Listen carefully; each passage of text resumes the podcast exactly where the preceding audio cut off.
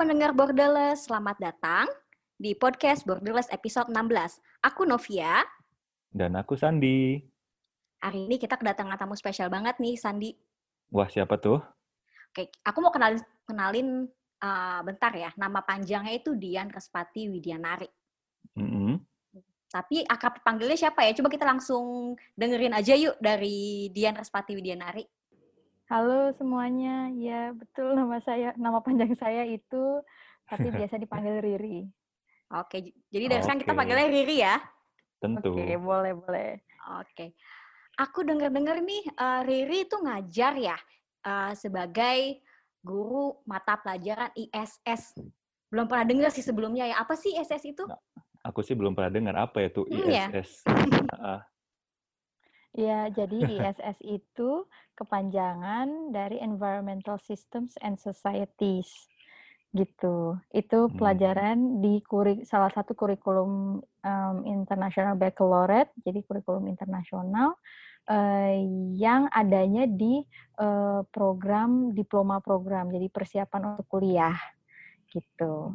Wow. Dia bagian dari uh, science dan social studies. Jadi dia interdisciplinary uh, subject gitu. Wah, sebelum kita lanjut ke situ, mungkin buat teman-teman border, eh, borderless yang belum pada tahu nih ISS dan segala macam, kan kayaknya ini hal yang baru banget. Nah, ISS ini kira-kira diajarkan di mana sih? Dan Riri ini ngajarnya di mana? Kemudian eh, seperti apa pelajarannya secara eh, teknisnya? Di, eh, ya, seperti itu. Gimana? Hmm, kalau saya sih ngajar di salah satu sekolah swasta di Jakarta yang menggunakan kurikulum IB tersebut gitu. Mhm. Jadi um, sebenarnya ISS itu lebih ke tentang lingkungan ya kalau di Indonesia gitu. Um, apa namanya? Saya sih pernah dengar kalau di kurikulum, kurikulum nasional tuh ada yang namanya PLH ya, eh, pengenalan lingkungan hidup. Tapi kemarin sempet pas di sekolah itu suruh bikin apa ya kayak KKM atau ke, rancangan kegiatan belajar mengajar yang disesuaikan antara kurikulum internasional dengan kurikulum nasional tuh nggak ada kalau di Jakarta sendiri. Tapi di provinsi lain ada gitu. Jadi PLH itu juga menjadi uh, salah satu mata pelajaran yang lokal gitu. Jadi muatan lokal ya gitu. Nah, kalau yang untuk SMA di Jakarta sendiri, saya kemarin sih nggak nemu ya. Uh, um, correct me if I'm if I'm wrong ya, karena saya nggak ketemu gitu ininya rancangannya atau bagaimananya. Tapi kalau di provinsi lain di luar Jakarta ada gitu. Nah, di ISS itu yang dipelajari sebenarnya yang pasti ada teori tentang lingkungannya. Jadi di lingkungan itu kan mungkin dulu pernah tahu namanya ekosistem. Nah, Hmm. ekosistem tuh ternyata besar sekali dan detailnya tuh banyak banget Mhm. gitu. Nah, kalau ya sebenarnya kita udah belajar sih sedikit demi sedikit dari TK sampai SMA gitu. Di digabungkan dengan dengan pelajaran IPA mungkin, ada IPS-nya juga mungkin gitu ya. Uh, tapi tingkatannya memang beda-beda gitu. Terus ada definisi dan terminologi istilah-istilah gitu yang ada di dalam pelajaran lingkungan tuh kan banyak sekali gitu. Nah itu kadang-kadang hmm, murid-murid tuh masih kayak itu apa ya? Kayak baru denger deh gitu.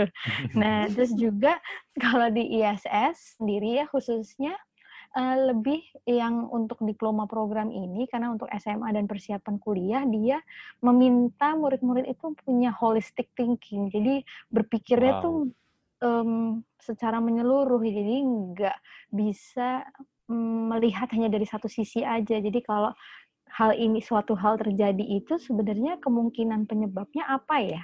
Kok bisa kayak gitu ya? Terus kira-kira apa yang bisa dilakukan ya untuk meng, mengatasi atau mencegah atau memperbaiki gitu? Kira-kira seperti itu.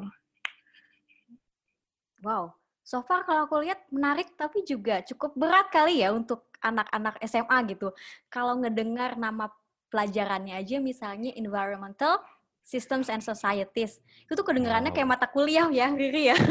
Iya, benar, benar, benar, benar. Itu ma- seperti mata kuliah kayak mungkin satu tahun sendiri ya kalau di di kampus kali ya tahun pertama atau atau satu iya satu satu tahun apa sih namanya satu semester atau mungkin satu tahun mungkin ada yang ISS 1, ISS 2 mungkin kayak dulu kan mungkin ada kalkulus 1, kalkulus 2 gitu-gitu. Nah, ini benar, mungkin juga seperti itu ya kalau di ilmu lingkungan. Tapi sebenarnya ini juga hal baru sih buat saya karena saya backgroundnya sebenarnya bukan dari environmental gitu loh. Saya backgroundnya marine science gitu. Oh kelautan. lagi. Kelautan, kelautan iya. gitu. Cuma kan kelautan juga masih ada korelasi ya dengan lingkungan ya. Betul betul. betul, part of ya part mm of. wow.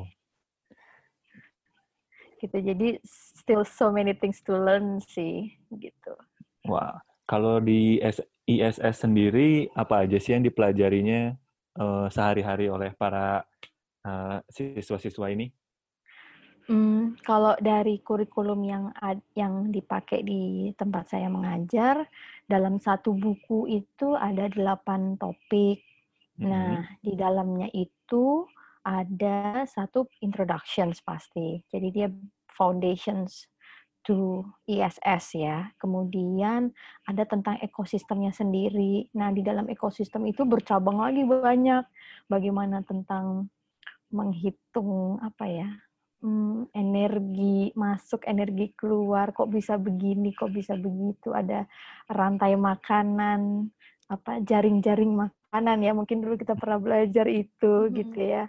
Terus yeah. um, apa lagi ya? Um, biodiversity, ancamannya biodiversity, conservation, terus wow. juga tentang tanah, tanah yang untuk dipakai agriculture, terus tanah yang bagaimana yang untuk um, um, apa pertanian uh, yang menghasilkan makanan dan juga hasil hutan mungkin yang berasal dari daratan ya tanah gitu ya.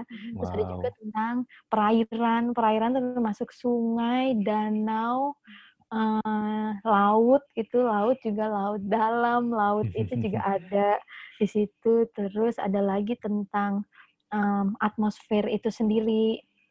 Okay. Terus juga tentang um, apa namanya uh, kependudukan sedikit wow. ekonomi. Wow.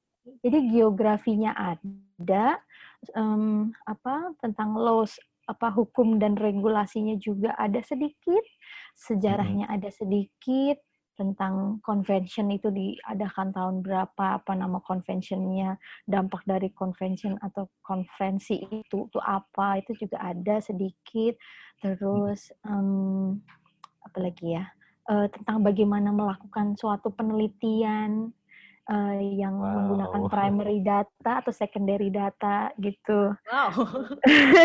Wah ini keren banget sih kacau. Iya. Berat sih, berat sih sebenarnya. iya, iya.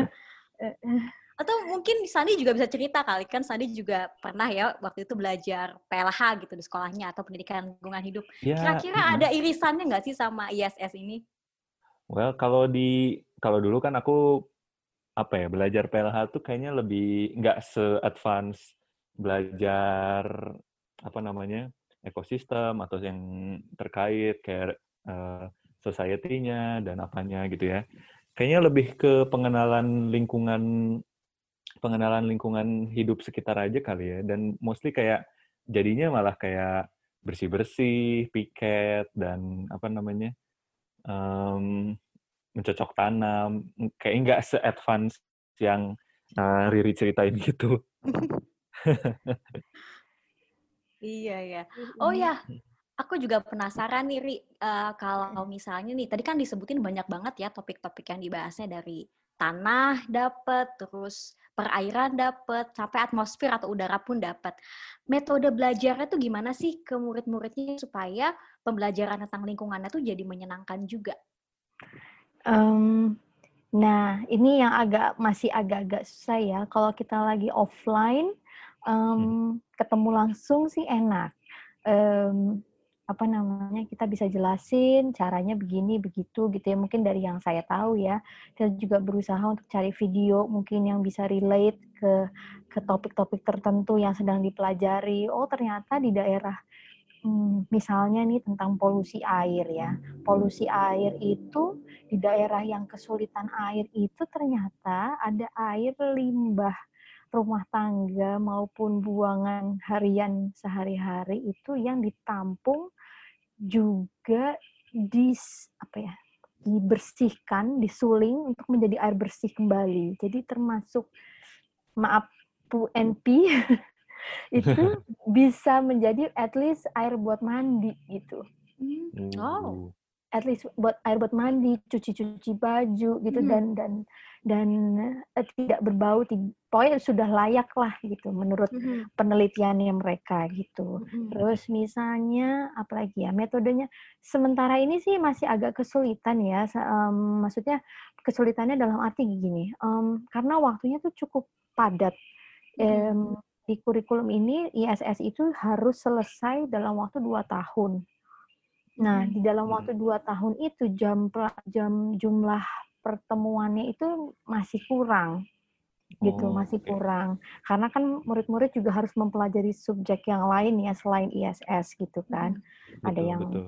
yang core subjek istilahnya kayak matematika, bahasa Inggris, bahasa Indonesia, um, agama, olahraga dan lain-lain dan lain-lain gitu kan yang memang sudah wajib di diambil gitu. Sedangkan ISS ini kan salah satu dari pilihan pelajarannya mereka gitu. Jadi bukan merupakan core subject, tapi kalau sudah memilih ya harus diselesaikan gitu intinya kan. Hmm. Nah, betul, betul. dalam waktu dua tahun itu waktunya tuh mepet banget sebenarnya. Karena selain secara teori buku itu harus diselesaikan, yang mana ya mau nggak mau sebagai guru atau pengajar ya harus sharing mau nggak mau gitu. Sekarang dengan online ya mau nggak mau kita dengan online gitu sharingnya. Cuma dengan online agak agak kesulitan juga nih mereka gitu karena memahami ilmu ini tuh eh, apa ya? Saya berusaha untuk menyampaikannya sudah dalam bentuk rangkuman gitu. Jadi poin-poinnya aja itu udah kalau ini tuh artinya gini, kira-kira mirip seperti ini loh gitu. Jadi karena saya mengambil dengan cara analogi, mungkin dengan gambaran dari film mungkin kayak hmm. Finding Nemo atau oh, film apa B-movie, uh, iya, iya. Ya, ya, ya, seperti itu tuh ternyata um, apa namanya um, banyak sekali arti-arti jadi dalam membuat film itu mereka mempelajarinya dulu gitu. Nah, ternyata dari situ tuh bisa gitu buat jadi pelajaran membantu ya, membantu mm-hmm. murid-murid ini untuk mengerti dan lebih oh iya ternyata dengan begitu oh dengan filmnya itu oh maksudnya dengan yang ini tuh oh filmnya ini gitu kayak film Ice Age itu lebih cerita mm-hmm. ke namanya past mass extinction jadi di dunia yeah, itu yeah, yeah. ada yang apa sih kayak kiamat yang kelima ada iya. lima kali kiamat ya tanda kutip yeah. gitu ya.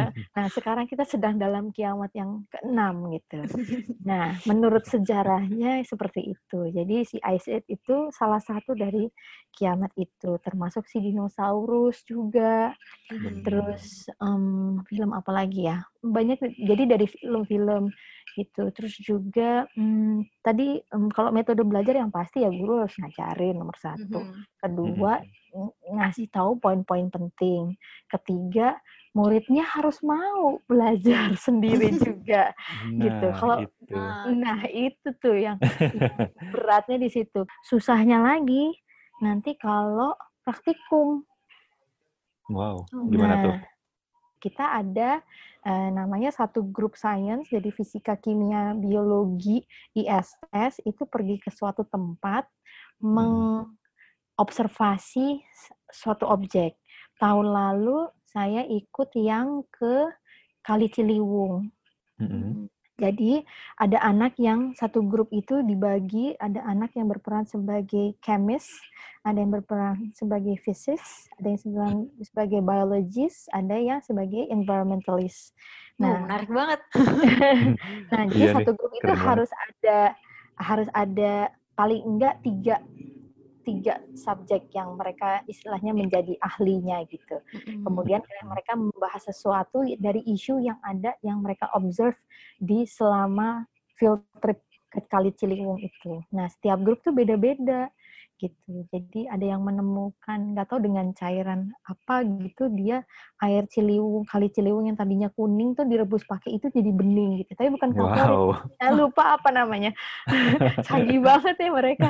Terus, eh, itu lebih ke kimiawi ya menjelaskan. Mm. Jadi kalaupun mereka mengarah ke kimiawi juga nggak apa-apa gitu. Asal Hmm. mereka punya justifications, punya strong argument untuk menjelaskan kok itu bisa terjadi dan dampaknya apa, aplikasinya bagaimana gitu. Wow. Nah, yang sekarang, nah ini nih lagi agak-agak bingung juga yang terutama yang kelas atas yang kelas 12 yang sudah mau lulus mereka diminta untuk melakukan um, eksperimen namanya internal assessment eksperimen. Jadi mereka harus bikin seperti mini skripsi untuk setiap Waduh. subjek.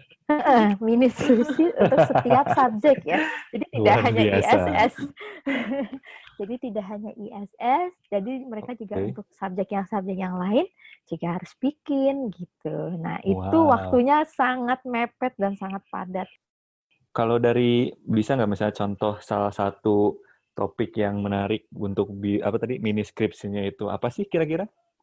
Eh, sejauh ini ada beberapa yang ini em, nanti dipilih ya kira-kira ini. Yang satu tentang ada namanya jeruk dekopon. Jeruk dekopon Oke. itu di Bandung mungkin Miss Novi apa Novia pernah dengar kali dekopon orange apa jeruk dekopon ini. Jadi dia katanya hanya tumbuh, dia aslinya katanya dari Jepang, Iya. tapi dia tumbuh di Bandung. Terus katanya lebih enak kalau makannya langsung setelah dipetik dari pohonnya. Oke. Nah, Wow. Katanya begitu kan, sehingga oke. si murid ini, me- jadi setiap penelitian tuh kalau bisa di, di, di- dikaitkan dengan isu yang sedang terjadi atau local issue atau global issue atau ada alasan Kontemporer gitu ya. Iya, betul. Bisa bisa kontemporer, bisa yang klasik juga nggak apa-apa Hmm. gitu. Nah, jadi dia mau mencoba, katanya dia cuma bisa tumbuh di daerah yang sejuk-sejuk seperti di Bandung gitu kan. Nah, dia mencoba, makanya dia mencoba kalau eh, saya coba bawa ke Jakarta, kira-kira tumbuh nggak ya, kata dia gitu. Terus kenapa kak em, dia mau bawa ke sini? Karena ya kan sekarang lagi masa pandemi, kalau dia bisa paling nggak numbuhin buat orang rumah aja gitu, kan sudah lumayan bisa ada sumber vitamin C untuk Iya. meningkatkan imunitas gitu misalnya. ya. Iya Keren, benar. keren, keren. Heeh. Terus satu lagi tentang mau mengukur, em, nah dia mau mencoba dengan cara tanda kutip seperti airborne particle. Jadi dia mau nyoba, Wow. Wah, terkait pandemi nih. iya, ya bisa juga sih, nggak nggak cuma pandemi, cuma maksudnya yang la- Mhm. penelitian sebelumnya kelas angkatan yang lalu dia mencoba dengan kertas biasa yang dioleskan semacam vaselin gitu. Mm-mm. Nah, ditempel di pos satpam sama ditempel di balkon di sekolah di atas gitu yang banyak pohonnya. Dia Mhm. pengen lihat apakah benar debunya itu kalau di pinggir jalan tuh lebih banyak dibanding kalau Ah, terhalang pohon gitu. Nah, Wow. maksudnya maksudnya kalau rumah itu atau bangunan itu terlindungi oleh banyak pohon selain memberikan penghijauan, menyelamatkan tanah, Mhm. menyelamatkan udara, memperbaiki udara dan juga mengurangi debu yang masuk ke dalam rumah Wow. gitu atau ke Mm. dalam gedung gitu kan.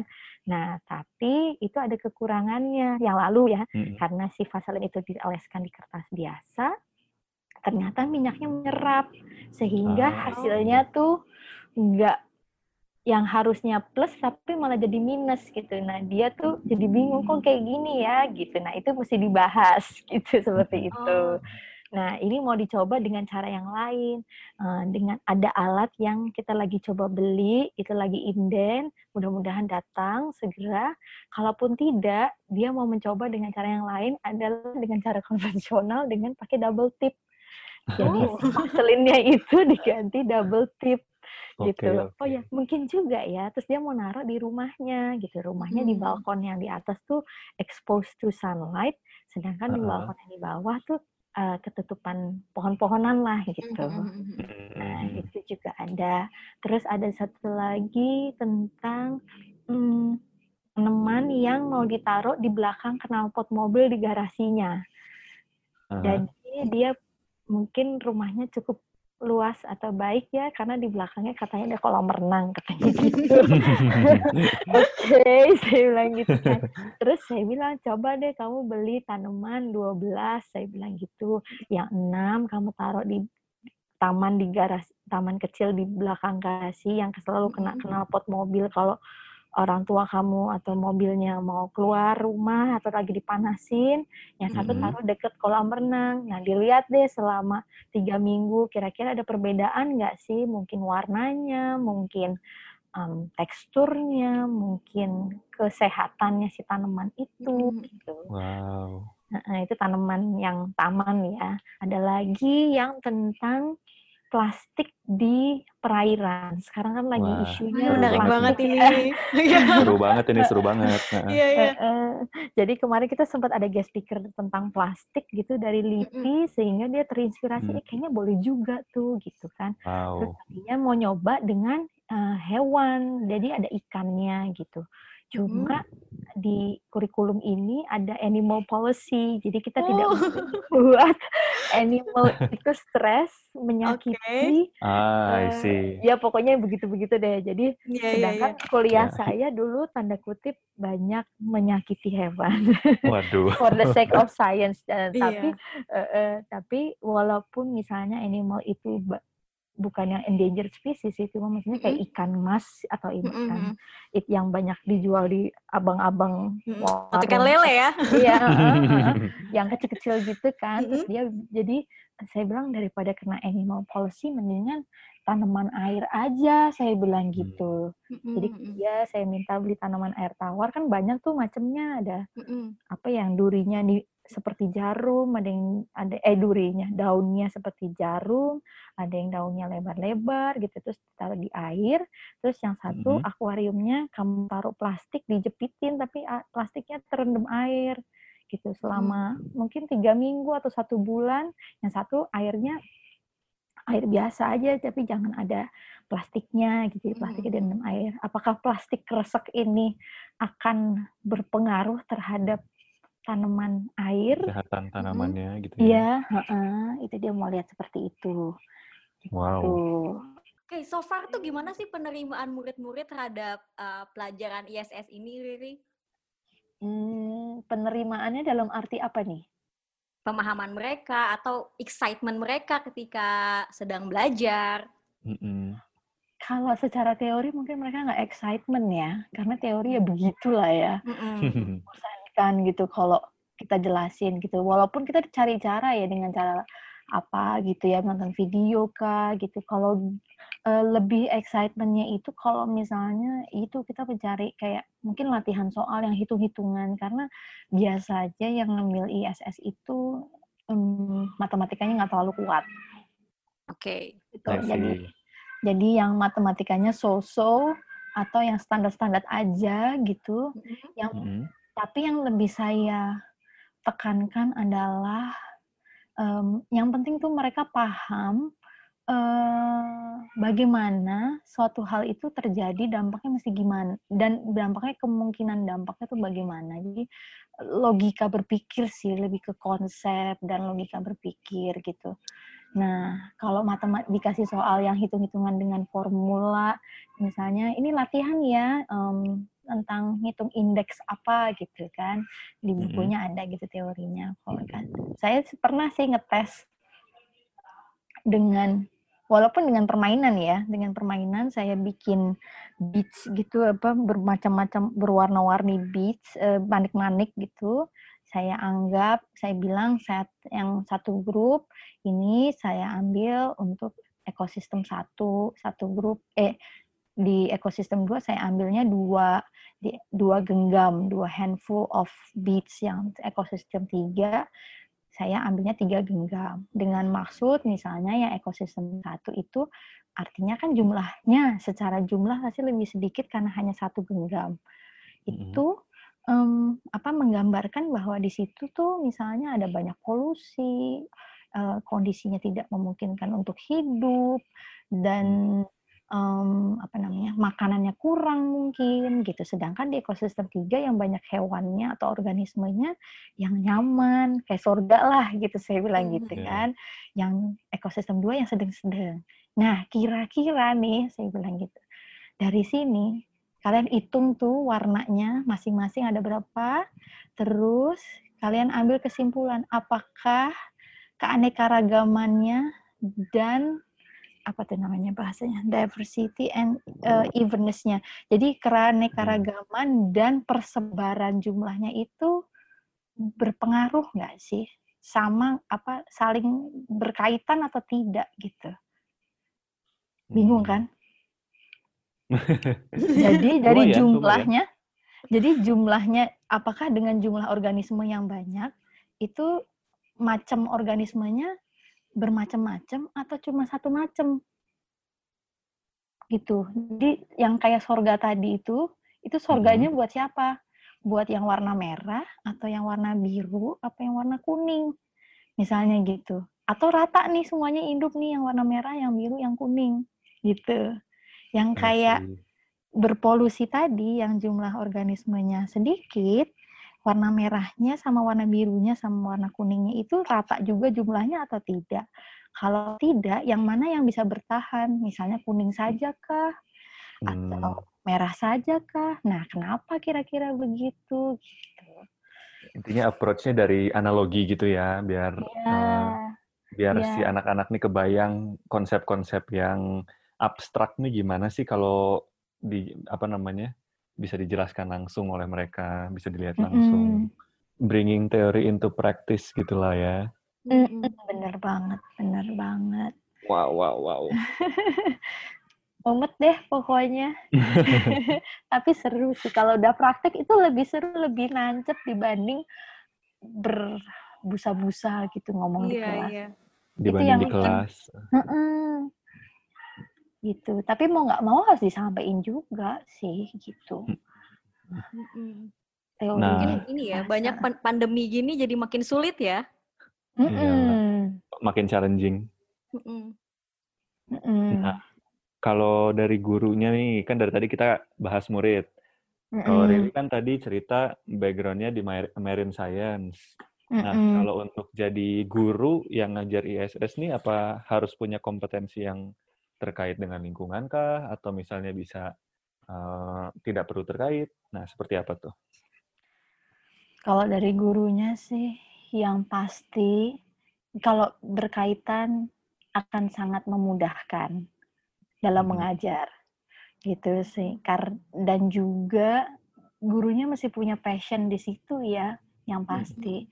Gitu udah kalau udah pernah punya latar belakang di situ dan punya passion di situ pasti akan lebih mudah ya dalam dalam apa namanya um, menyampaikan dan juga lebih berusaha mencari cara yang um, mudah untuk membuat orang lain mengerti memahami uh, dan cari trik-trik belajar yang lebih mudah gitu. Mm -hmm. Tapi juga intinya ya mau mau apa aja sih kita tetap harus harus mau selalu untuk belajar sih gitu jadi mau backgroundnya apa aja bisa gitu okay. karena sebenarnya berkaitan semuanya kita harus punya communication skills yang bagus dalam menyampaikan entah itu pelajaran, teori, reportnya nanti kita dalam menulis laporan gitu kan. Mm-hmm. Kita juga harus punya communications dan language skills yang baik gitu ya jadi itu tetap harus belajar. Even saya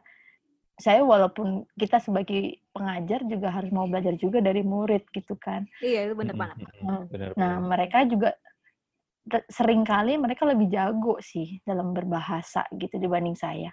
Oh ya ini gini. Oh ini bahasanya ini. Oh gitu gitu. Jadi saya juga oh gitu. Tapi saya kasih kerangka berpikirnya mereka yang mencoba merangkai. Jadi mereka berusaha mengembangkan uh, saya coba kasih kerangka berpikir, tapi saya juga kasih ke mereka kebebasan untuk kalau dari kamu gimana dulu. Jadi kalau kita kalau menurut kita ada yang melenceng sedikit tinggal kita arahin gitu. Ya, tapi hmm. mereka harus punya basicnya dulu gitu. Hmm. Nah kalau dari gurunya untuk kalau ya tadi backgroundnya kalau nggak harus dari environmentalist sih, nggak harus dari environmental gitu, cuma atau dari marine science atau geografi banyak loh guru-guru yang dari geografi atau biologi gitu tuh banyak gitu mm-hmm. uh, yang mengajar ISS ini gitu. Mostly mereka yang dari luar negeri itu malah geografi yang saya tahu ya, mostly gitu. Kalau dari ya karena mereka kan pasti berkaitan juga apalagi tentang kependudukan, betul, pemetaan betul.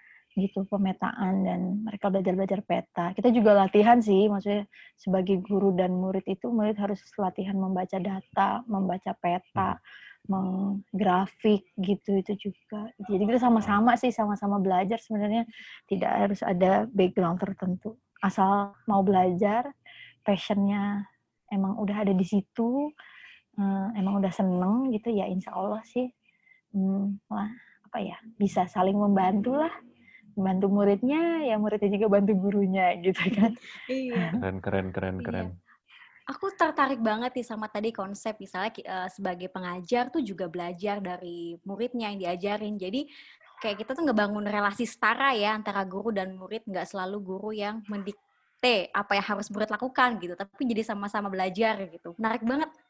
Mm-hmm, bener.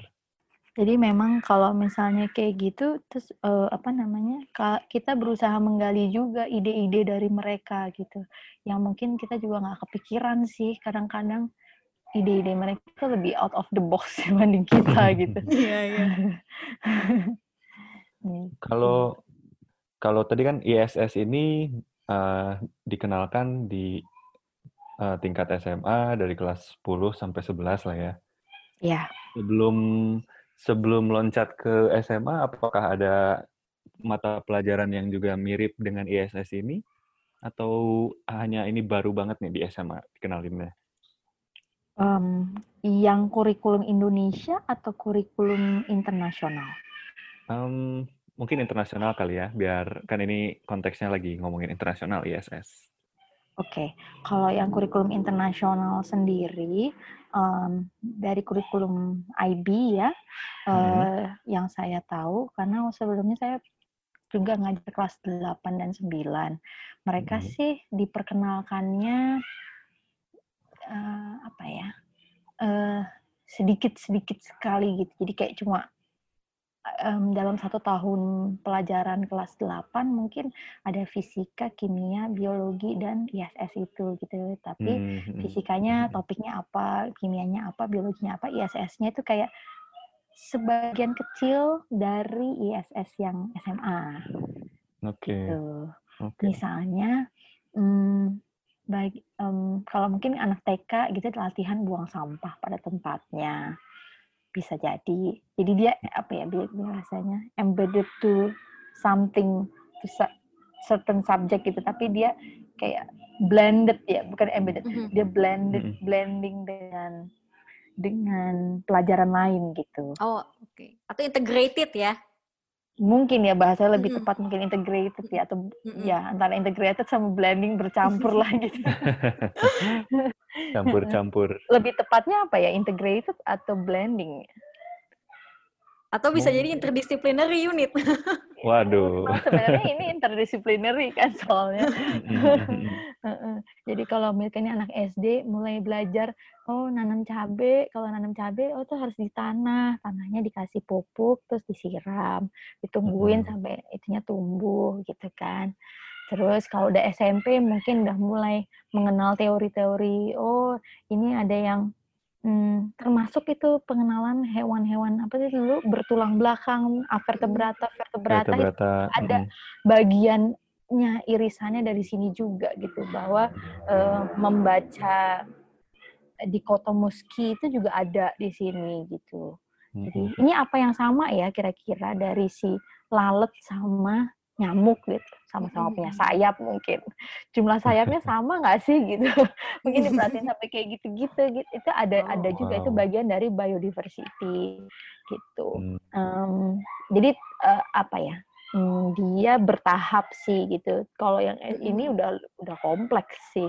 Yang SMA ini udah kompleks banget. Ya, udah udah ada penelitian segala. Iya. Kalau itu kan masih praktikum ya bahasanya ya. Kalau Iya, iya. yang SD percobaan apa gitu. Wow, keren, keren, keren. Dan kalau terkait tadi kan dikenalinnya untuk SMA nih, lebih dalam. Apakah si ISS ini bisa is- em, menginspirasi murid-murid untuk misalnya kuliah di yang aspek ada aspek lingkungannya kah? Atau enggak? Kembali lagi ke muridnya sih. Hmm, oke. gitu Em, bu- apa ya hmm, rata-rata mereka yang ambil ya berdasarkan pengalaman saya sejauh ini ya beberapa Mhm. tahun ini menjadi pengajar eh, mereka sih belum ada yang mengambil lingkungan gitu Oke, ada oke. satu sih yang mengambil agribisnis gitu tapi not really related to ISS gitu Mm, mm, mm. A- ada satu yang kepingin mengambil marine biology tapi em, requirements university-nya tidak harus mengambil ISS tapi lebih ke mengambil biologi fisika dan kimia. Jadi dia lebih ngambilnya itu. Jadi em, apa ya namanya sekolah tuh lebih melihat nantinya mau ambil university major apa di university mana requirements-nya apa gitu instead of I'm interested in ISS gitu. Oke, aku juga jadi penasaran sih, misalnya ini kan nggak semua anak juga mungkin tertarik buat kuliah ngambil jurusan yang memiliki hubungan dengan ISS atau lingkungan gitu. Tapi ada nggak sih misalnya kayak harapan khusus dari pelajaran ISS untuk ke perubahan perilaku anak itu sendiri terkait dengan lingkungan mereka? Ada banget, ada banget. Em, kalau mereka nanti mengambil em, hukum mungkin hukum tentang lingkungan kayak tadi Adele ya em, tentang environmental policies gitu eh, itu nggak gampang Em, karena eh, apa ya dalam memutuskan sesuatu itu harus memikirkan beberapa langkah ke depan apalagi lingkungan gitu. Jadi kalau kita mengambil suatu langkah ini misalnya kayak bangun power plant deh gitu ya. Bangun power power plant hmm, oke listrik jumlah listrik yang dibutuhkan masyarakat terpenuhi. Tapi dampak lingkungannya gimana? Gitu. Hmm. nah itu kan juga nggak gampang ya. Terus orang yang me- berkaitan yang bekerja atau berprofesi yang berkaitan dengan AMDAL ya kalau Indonesia analisis mengenai dampak lingkungan. Kalau di luar negeri namanya EIA Environmental Impact Assessment itu kan. Mm, mm. nah itu kan juga berkaitan dengan regulasi pemerintah. Nah Mm-mm. kalau misalnya dari environmental itu eh, apa EIA atau AMDAL itu kan pasti ada plus ada minus. Nah terkadang suatu project udah dikasih tahu sih plusnya ini minusnya ini Mm-mm. Eh, cuma eh, pada saat eh, sepertinya banyak plusnya sepertinya Mm-mm. tapi ternyata minusnya panjang banget nih dampaknya gitu ya Mm-mm. ekornya tuh panjang banget gitu berentetnya ke mana-mana gitu nah em, apa namanya nah itu tuh yang saya jadi harapan tuh gimana ya caranya supaya apa ya mm, nggak gampang gitu kita soalnya memutuskan oke kita mau melakukan ini sesuatu gitu yang dampaknya tuh semuanya feel happy gitu itu. Mm. pasti ada yang dikorbankan soalnya Iya, iya. itu yang berat di sisi Iya. Eh, Dan eh. sering kali lingkungan yang dikorbankan ya. sering Iya, kalinya Iya. sering kalinya jadi anak-anak itu oh ya saya tambahin juga anak-anak itu juga belajar tentang case study gitu jadi Mm-mm. Mm, jadi kemarin kita sempet salah satu topiknya di buku itu ada namanya Three Gorges Dam. Itu di dam ya dam eh, bendungan gitu di, di Mm-mm. China kalau nggak salah saya lupa. Kalau nggak salah di China dari sungai Yangtze itu. Jadi ada pembangunan tiga dam lebar sekali damnya bendungannya. Eh, untuk power plant tekanan bagus, tapi ternyata dampak dari itu eh, beberapa spesies ikan menghilang, tidak ada lagi di situ. Mm. Terus juga dampak sosialnya ternyata beberapa petani jadi kehilangan lahan dan harus Ya. mengubah lifestyle-nya menjadi berprofesi yang lain gitu. Mhm. Wow, untuk wow. bertahan hidup. Nah, itu eh, jadi ada pertanyaan juga kira-kira sebenarnya EIA ini bagus apa enggak sih gitu perlu apa enggak karena kan udah dikasih tahu plusnya ada minusnya juga Mhm. ada tapi kayaknya semuanya serba di tengah-tengah gitu gitu. Iya, iya, iya, iya. Gitu. Jadi harapannya ya kita lebih ke tidak berharap lebih environmentalis atau lebih more to technology sih cuma being human aja jadi tengah-tengah aja deh Tapi keren ya, maksudnya anak-anaknya tuh pada kritis, mempertanyakan dan Mhm.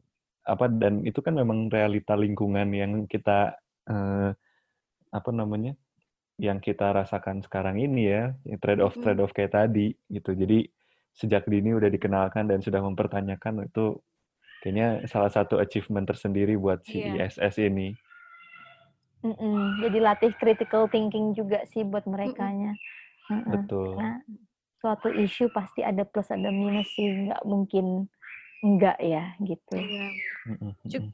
Aku cukup iri sih sebenarnya sama murid-muridnya Riri. Kenapa dulu aku waktu SMA aku nggak dapat ini? Apa aku sekolah lagi di itu di Iya kita juga guru-guru sebenarnya saling belajar loh, maksudnya Mhm. even even saya ISS jadi karena saya tidak mahir misalnya mm, bahasa atau kayak Novia juga ngajar anak-anak yang berkebutuhan khusus. Saya iri loh sama guru IAS eh, eh, guru-guru seperti Novia yang mengajar anak berkebutuhan khusus tuh sabarnya tuh panjang banget. Dan mereka tuh harus nyari cara gimana murid-murid yang ini tuh bisa ngerti walaupun dengan keterbatasan keterbatasan mereka tapi kreativitasnya guru-guru tuh luar biasa loh guru-guru yang seperti Novia itu Nah, itu nggak sabar itu dan tidak kasih. sekreatif itu nah, buat pendengar borders eh, borderless yang belum tahu, Novia juga guru, oke? Sip. Iya, saya juga guru. Oke.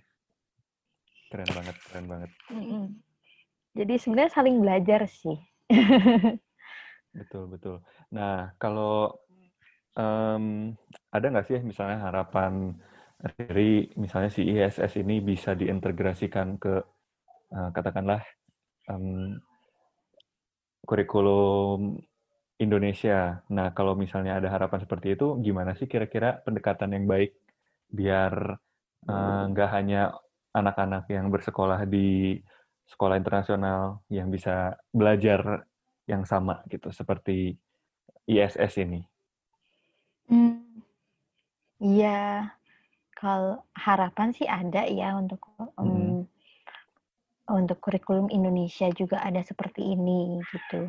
Tapi memang eh, kembali lagi ke kebijakan pemerintah dan Mhm. waktu eh, apa ya waktu belajar durasinya murid-murid juga yang eh, di kurikulum nasional gitu. Karena pasti itu juga sudah cukup padat gitu. Tapi kalau mereka memang mau memasukkan kurikulum pengenalan lingkungan hidup di dalam pelajarannya sebagai salah satu pelajaran ya eh, lebih bagus sih saya pikir Mhm. gitu ya. Karena mm, terutama mm, kalau itu disesuaikan dengan anak-anak yang memang nanti kuliahnya akan mengarah ke sana gitu itu akan jadi nggak hanya kalau sekarang kan di Indonesia kan hanya IPA IPS ya Mhm. jadi kalau kita mengambil kuliah nanti tentang lingkungan berarti harus ngambilnya IPA gitu kan istilahnya kayak gitu kan Eh, zaman saya waktu itu seperti itu dan nggak tahu sepertinya sekarang juga seperti itu gitu kan Mhm. dia mau ngambil teknik atau lingkungan atau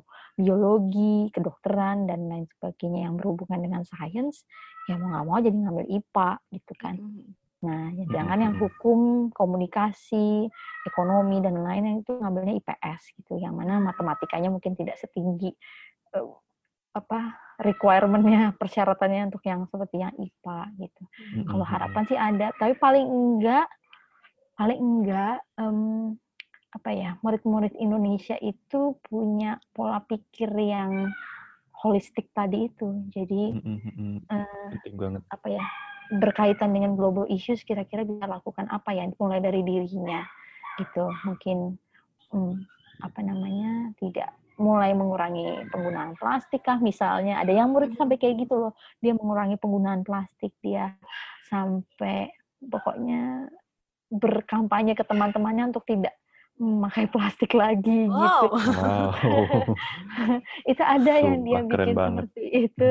Terus ada juga yang um, apa namanya eh dia ikutan misalnya kayak diving diving di Pulau Seribu yang ada komunitas namanya Yayasan Terumbu Rupa gitu itu um, untuk memperbaiki karang jadi menanam kembali karang. Nah ternyata setelah ditanam itu nggak hanya sekadar menanam karang saja tapi harus dibersihin gitu. Jadi sampai kayak gitu. Jadi dia uh, kalau kalian lihat kayak gini uh, bantuin ya bersihin seperti ini gitu. Jadi dia bikin video atau apa gitu jadi supaya kasih tahu ke teman-temannya. Paling nggak ke lingkungan teman-temannya deh, keluarga sama teman-temannya gitu. Kalau kalau kayak gini jangan diinjek, jangan dikotori, jangan buang sampah sembarangan di laut dan lain sebagainya dan lain sebagainya gitu. Banyak sih. Jadi pinginnya sih murid-murid yang tidak bersekolah uh, maksudnya yang bersekolah di sekolah nasional itu punya awareness yang lebih tinggi, kepedulian yang lebih tinggi terhadap lingkungan gitu, terhadap um, kelestarian dan juga kebersihan dan Wow. keberlangsungan seluruh makhluk hidup gitu.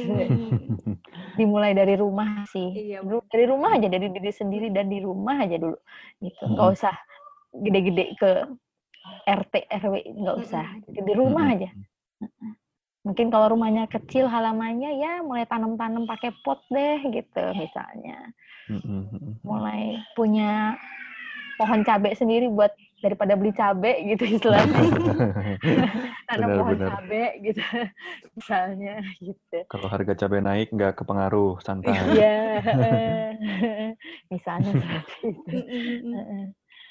Jadi memenuhi kebutuhan pangan mungkin atau hmm, apa namanya? Ya, kebutuhan pangan dan nutrisi lah untuk keluarga di rumah gitu punya pemikiran ke situ gitu. Iya, iya. Itu sih menarik harapan. banget ya. Banget, banyak banget. banget nih yang siswa tuh bisa pelajarin dari ISS bukan cuma misalnya masalah mau kuliah apa, tapi juga jadi more responsible human being ya ke lingkungan di sekitar dia gitu. Betul sekali.